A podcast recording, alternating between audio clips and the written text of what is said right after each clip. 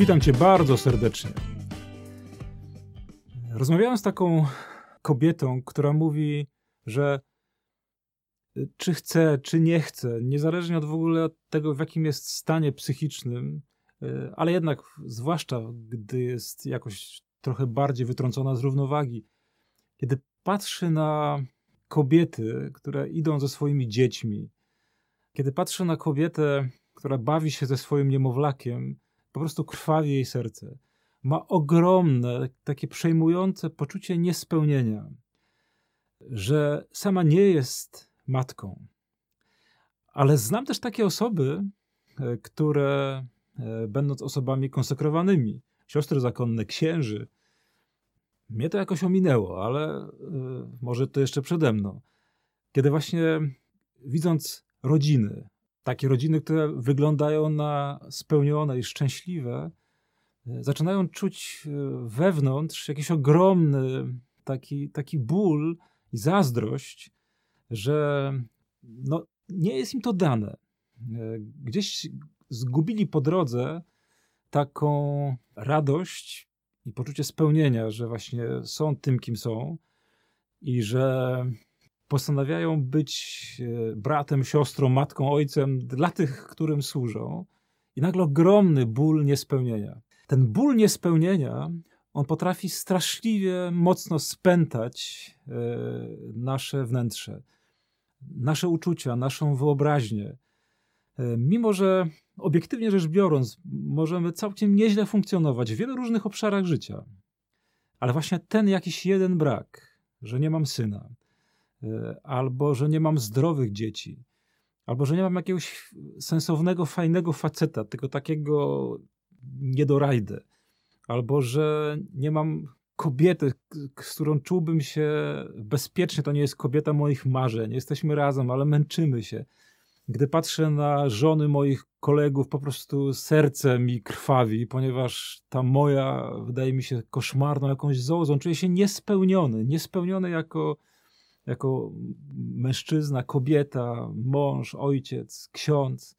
Tak, ten rodzaj wewnętrznego takiego braku smaku życia właśnie, że, że nie możesz cieszyć się tym, co masz, bo masz ten jeden brak, który odbierasz jako podstawowy i który ci odbiera właśnie smak życia, smak szczęścia. Kiedyś nawet miałem taką rozmowę z, z kobietą, której mówię, słuchaj, wiesz co, no, jeśli nie będziesz miała swoich dzieci, no bo akurat nie było żadnego mężczyzny, z którym byłaby związana, no to może adop adoptuj, bo ona strasznie chciała być mamą.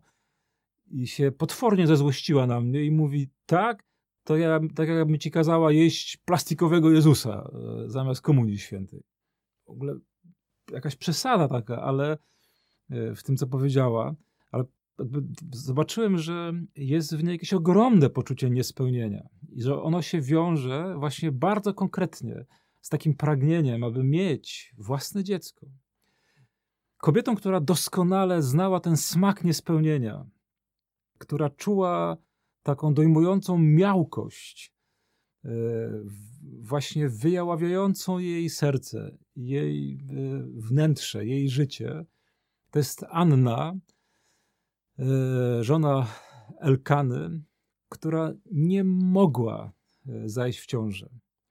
Jeszcze na dodatek była obok niej kobieta, która cały czas z tego powodu dowalała jej w ogóle jakaś taka mm, patologia, że, że widzisz kogoś, kto cierpi, kto jest niespełniony i jeszcze po prostu w to bardzo takie bo obolałe miejsce potrafisz tam y, dociskać świadomie albo nieświadomie, wzmagając to cierpienie.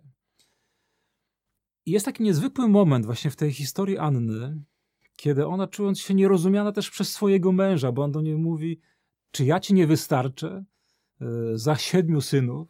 No właśnie nie wystarczysz, ponieważ jest we mnie to ogromne przywiązanie do tej myśli, do tego pragnienia, by mieć syna, mieć córkę, dziecko. Więc kiedy Anna czuje się totalnie nierozumiana przez swojego męża, kiedy czuje się jeszcze bardziej upokarzana przez Peninnę, drugą żonę Elkany, już jest na granicy w ogóle wytrzymałości. Idzie do świątyni I tam dokonuje się rzecz taka niezwykła, jakiś rodzaj przerwania tamy.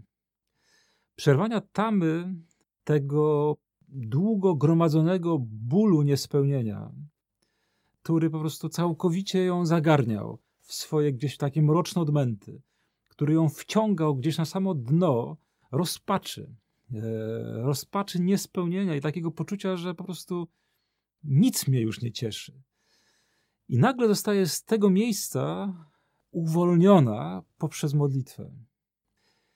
To jest cud, kiedy przed Bogiem tak bardzo tworzysz swoje serce, kiedy mu gdzieś wewnętrznie wykrzyczysz ten ból niespełnienia, kiedy nie musisz się cenzurować, kiedy wywalisz to z siebie, kiedy powiesz: Nie jestem szczęśliwy, nie jestem szczęśliwa. I co z tego, że wszyscy wokół mówią: Jak nie jesteś szczęśliwy? Przecież powinieneś być szczęśliwy. Przecież zobacz, wszystko jest ok, poza tą jedną rzeczą. Tak? Ale właśnie nie ma tej jednej rzeczy. Tego kogoś, tego czegoś, tego doświadczenia, tego przeżycia. I kiedy wreszcie pozwoli, że to wypłynie z ciebie przed Bogiem, nagle dzieje się ten cud, że pojawia się pogodzenie, pojawia się pokój. I to jest niesamowite. Widać, jak ta kobieta się zmienia. Jak pojawia się w jej sercu właśnie pokój, i ten pokój jest smakiem wolności e, od tego poczucia niespełnienia. Oby tak się stało tym, w tej sprawie, tym doświadczeniu, które e, wiąże jakoś Twoją wyobraźnię i Twoje poczucie szczęścia, które Cię okrada z poczucia spełnienia. Tak bardzo intensywnie zwróć się do Boga. E, wylej swoje serce, jak mówi Anna, przed Bogiem, aby doświadczyć smaku wolności, który ma na imię pokój serca.